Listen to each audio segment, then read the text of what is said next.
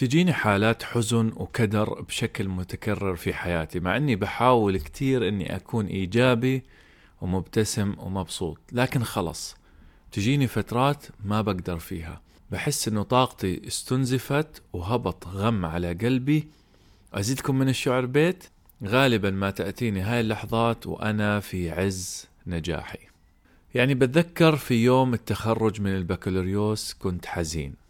ووقت تخرجي من الماستر كنت حاسس إنه ما في طعم للنجاح وغيرها كثير حتى إني بستغرب يعني إنه أنا مفروض أفرح وأنبسط وأطلع لكن بتجيني هاي الحالة وكنت دائما ما أخفيها وما بتكلم عنها. وهذا الشيء لقيته ممكن يكون جزء من العلاج أو جزء من المرض. وبكل أمانة هاي الحالات ما زالت بتتكرر لليوم.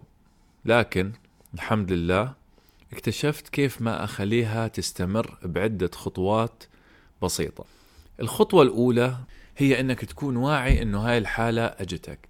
يعني لما تحس فيها وقف شوي خد نفس عميق واحكي أيوة هذا الحزن أجا مرة ثانية وأنا بمر فيه الحين. الخطوة الثانية هي أنك تعرف أن هذا الشيء طبيعي والكل بيمر فيه. يعني الأمور طيبة ومن حقي أني أشعر بهكذا شعور وما راح ألوم نفسي وراح أرحمها وما راح أجلد ذاتي بشكل كبير. الخطوة الثالثة هي أنك تسأل نفسك شو سبب هذا الحزن المفاجئ؟ وبس تجاوب أول مرة اسأل نفسك مرة ثانية. ليش طيب أنا حاسس هيك؟ وكمان مرة يعني أنا زعلان ليش؟ ما في سبب. طيب ليش؟ حسيت إني مش منجز شي بحياتي لليوم. طيب ليش؟ لأني دائما جالس على ال social media. طيب ليش؟ لأني خايف أبدأ وأفشل فبأجل الموضوع. طيب ليش؟ لأنه كلام الناس راح يزعجني لو فشلت. طيب ليش؟ وهكذا حتى تصل إلى مستوى من الوعي راح يساعدك على حل المشكلة الأعمق.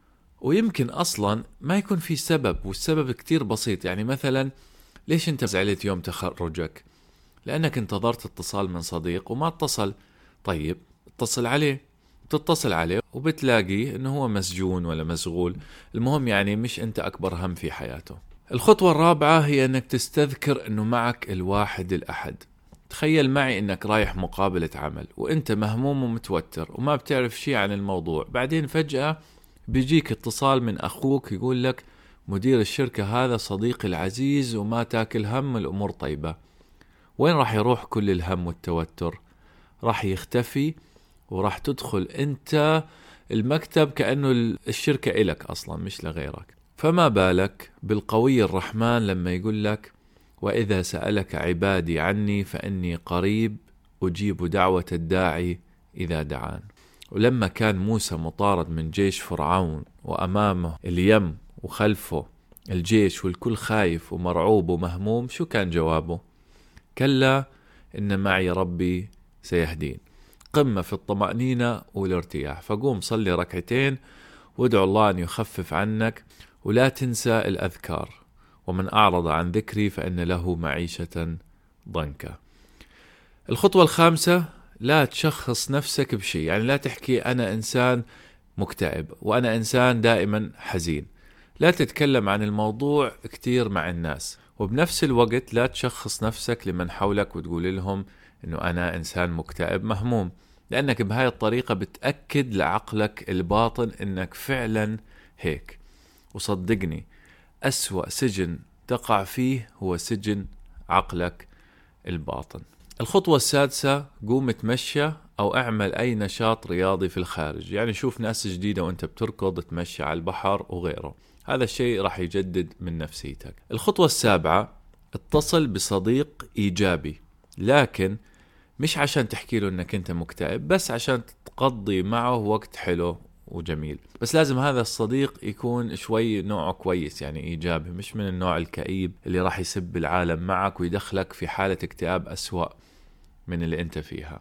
وبكل صراحة هاي عدة خطوات بسيطة ساعدتني بالإضافة أيضا أنك لما تمارس نشاط جديد أو تغير في شيء بحياتك أو حتى تساعد الآخرين هاي الأشياء راح تعطيك دفعة طاقة إيجابية.